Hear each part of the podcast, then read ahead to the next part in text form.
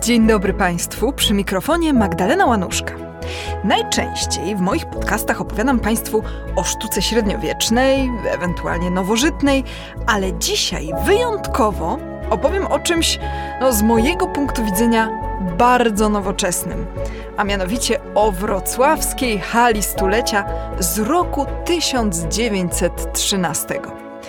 Jest to kawał fenomenalnej architektury, no a także bardzo interesujący przykład problematycznego dziedzictwa tzw. Tak ziem odzyskanych. Na szczęście dzisiaj, po ponad 100 latach, wrocławska hala jest doceniana w Polsce, a także zauważana na świecie. W końcu znajduje się na liście Światowego Dziedzictwa UNESCO. Będzie dzisiaj trochę o historii i trochę o betonie. Zapraszam do słuchania.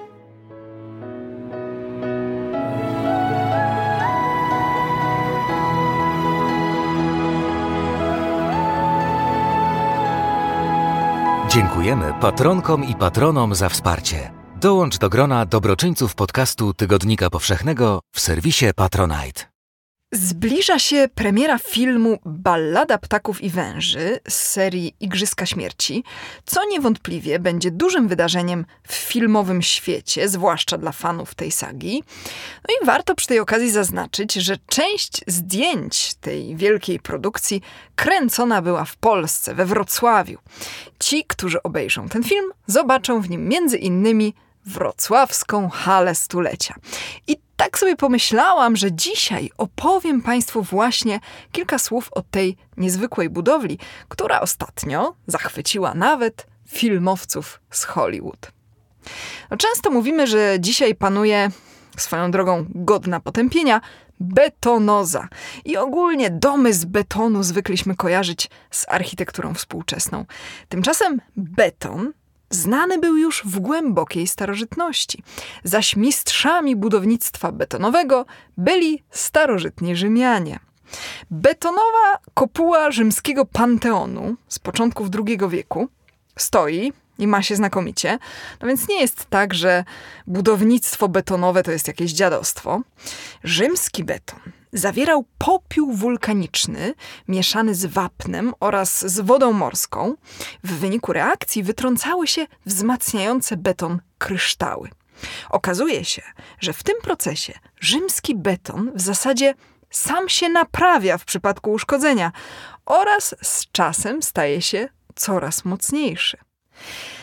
A jednak dopiero XIX wiek przyniósł rewolucję w kwestii budownictwa z betonu, a mianowicie wynalazek betonu zbrojonego. No tutaj już słonej wody morskiej nie powinniśmy używać, bo nam zbrojenie skoroduje. Najczęściej wzmocnieniem są pręty stalowe. Za pierwszą strukturę z betonu zbrojonego uważa się czteropiętrowy budynek na przedmieściach Paryża, zbudowany przez François Conieta w 1853 roku. Rok później angielski budowniczy William Wilkinson zastosował beton zbrojony w stropach i posadzkach domu dwupiętrowego. W latach 60. XIX wieku ogrodnik Joseph Monnier opatentował tworzenie donic i struktur ogrodowych za pomocą betonu zbrojonego siatką sprętów.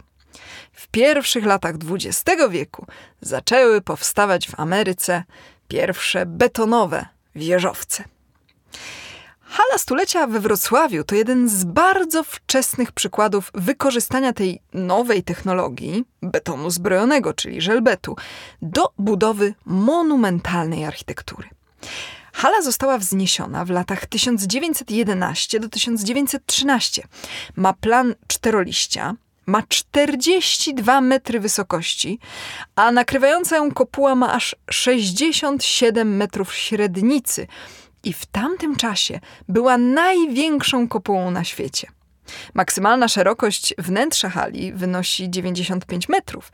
Zaplanowano ją do użytku dla 10 tysięcy osób, jako miejsce wystaw, koncertów, wydarzeń sportowych i spektakli.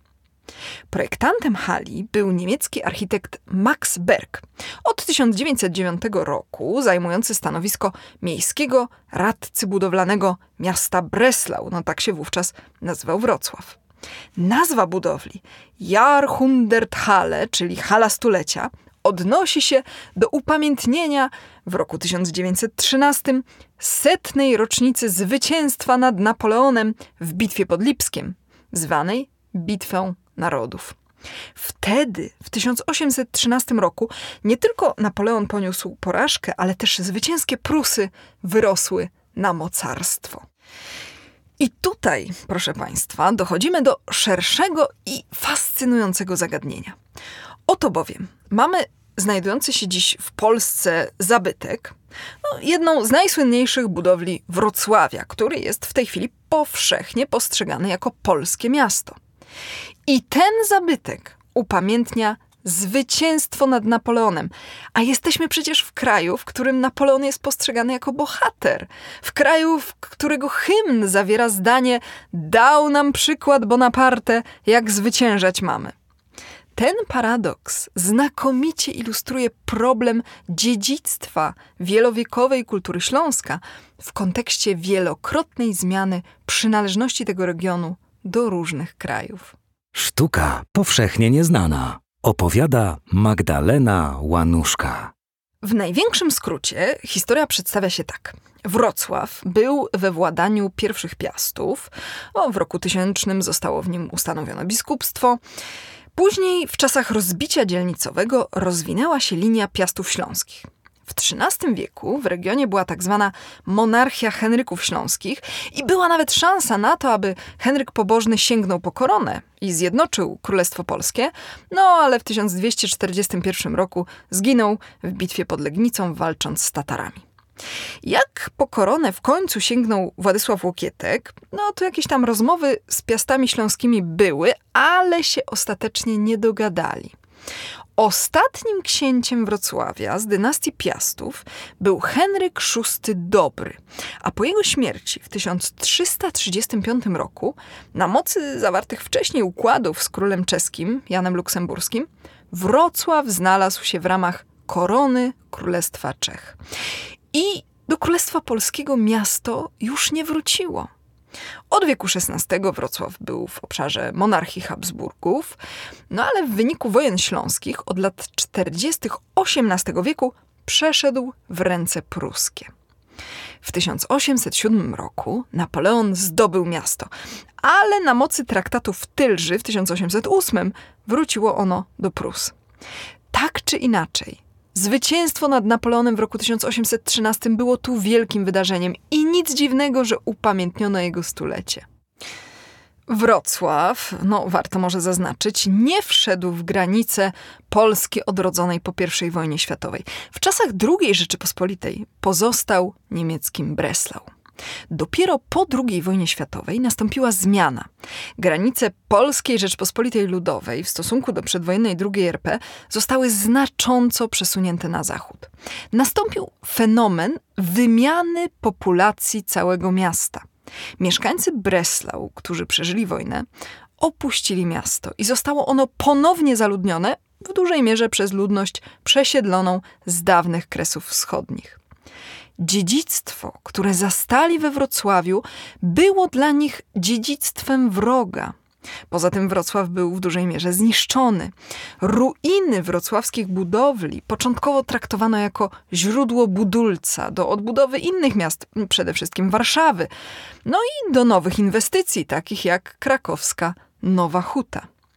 Z jednej strony eksploatowano tak zwane ziemie odzyskane, jak mówił pan Popiołek w serialu Dom, ziemie wyzyskane. No a z drugiej strony to właśnie nawet to określenie ziemie odzyskane wskazuje na kierunek ówczesnej propagandy. Narracja była taka, że oto Polska odzyskuje dawne piastowskie ziemie. A to, że piastowie nie władali Wrocławiem od XIV wieku, to już osobna kwestia. Oczywiście w rezultacie większość sztuki i architektury miasta nie była polska. Na szczęście jednak proces akceptacji wrogiego dziedzictwa jako własnego z czasem nastąpił i jest to swego rodzaju fenomen kulturowy Wrocławia. Hala stulecia została wpisana do rejestru zabytków jeszcze w PRL-u, zaś w 2006 roku znalazła się na liście Światowego Dziedzictwa UNESCO wraz z kompleksem budynków towarzyszących. No, z okazji stulecia zwycięstwa nad Napoleonem w Breslau planowano bowiem wielką wystawę stulecia. I nie tylko sama hala została na ten cel wybudowana. Architekt Hans Pölzig, dyrektor Państwowej Akademii Sztuki i Rzemiosła Artystycznego we Wrocławiu, zaprojektował pawilon czterech kopuł, również zbudowany z żelbetu. Cztery skrzydła wokół wypełnionego zielenią dziedzińca wieńczą kopuły, dwie na planie okręgu i dwie na planie elipsy. W pawilonie zaplanowano ekspozycje poświęcone pruskim władcom, dowódcom i żołnierzom, a także wielką panoramę miasta Breslau z 1813 roku. Dziś w pawilonie Czterech Kopuł mieści się oddział Muzeum Narodowego we Wrocławiu, prezentujący sztukę współczesną. Ponadto Hans Pölzig zaprojektował także betonową pergolę otaczającą półeliptyczny staw zbudowany w ramach y, przestrzeni wystawowej. oprócz tego stworzono także ogród japoński z inicjatywy hrabiego Fritza von Hochberga.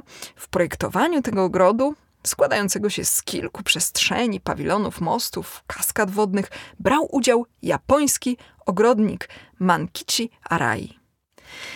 Wracając do hali stulecia, to była absolutnie zapierająca dech w piersiach konstrukcja, super nowoczesna. I formy architektoniczne tego budynku też były zaplanowane tak, żeby podkreślać genialność konstrukcji.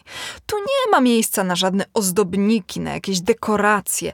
Tu jest sama monumentalność materiału, potęga betonu. Proste, geometryczne formy, olbrzymie okna wpuszczające mnóstwo światła, no i ta fenomenalna, gigantyczna, przeszklona kopuła. To wszystko nawet dziś wygląda nowocześnie, choć pochodzi sprzed ponad 100 lat to wczesny przykład architektury modernistycznej, w której główną rolę grały innowacje konstrukcyjne i technologiczne. Eksponowano zatem elementy ze szkła, stali czy betonu, rezygnując z niepotrzebnej ornamentyki. Modernizm był w opozycji zarówno wobec starszej architektury historyzującej, jak i wobec wybujałej organicznej secesji. Modernistyczne budynki miały być przede wszystkim funkcjonalne. Ich piękno zawierało się w prostych, minimalistycznych, geometryzujących formach. Czasem kanciaste, lecz często także obłe formy były najczęściej utrzymane w neutralnej, jasnej kolorystyce. Zdjęcia hali stulecia oczywiście już teraz możecie Państwo obejrzeć na stronie mojego podcastu w serwisie Tygodnika Powszechnego. Temat Wrocławia i jego wielowiekowego dziedzictwa w kontekście zmieniających się granic i ustroju, no to zagadnienie bardzo szerokie. Hala stulecia jest tylko jednym, chociaż wyjątkowo ciekawym przykładem. Do dziś wielu mieszkańców nazywa ją halą ludową, bo pod takim określeniem funkcjonowała w czasach PRL-u. Po II wojnie światowej, w roku 1948, w hali i na okolicznych terenach zorganizowano wielką wystawę ziem odzyskanych.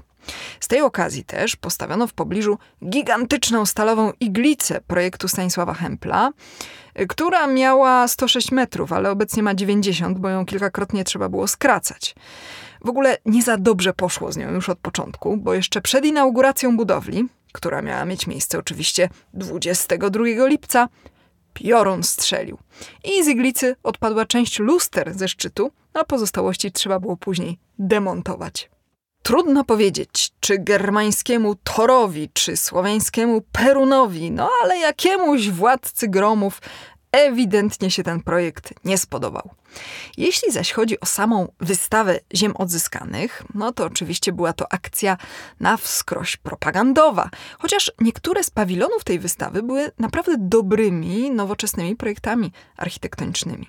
No ale przede wszystkim promowano tam ukazywanie Wrocławia jako prastarego piastowskiego grodu, śląskiego dziedzictwa jako rdzennie polskiego, z pominięciem tradycji czeskich czy niemieckich. Nawet odniesienia do bitwy pod Grunwaldem się tam pojawiły, w kontekście zwycięstw Armii Czerwonej. Akcentowano zdobycze władzy ludowej, jaka to nastąpiła walka z głodem, z bezrobociem, jak buduje się lepszą socjalistyczną przyszłość, jakie są sukcesy rozwoju przemysłu i kultury na ziemiach odzyskanych. No, w tym temacie polecam Państwu odcinek ówczesnej polskiej kroniki filmowej, dostępny w serwisie YouTube, prezentujący właśnie tę wystawę.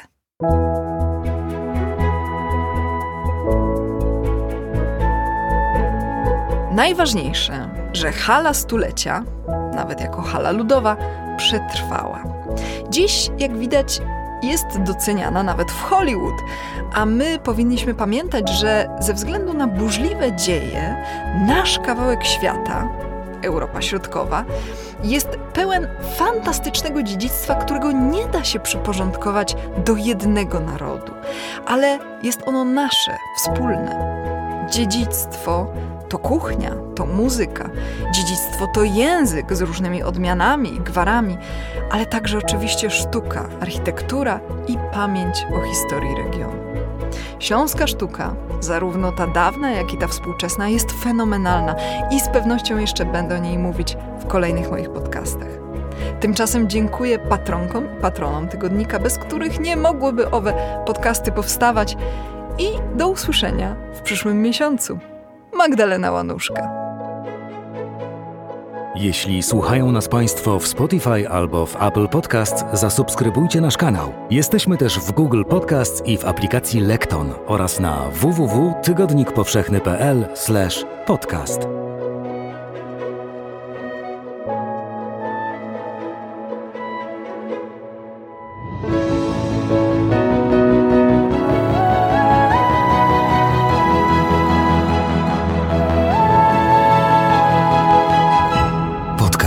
Tygodnika Powszechnego. Weź, słuchaj.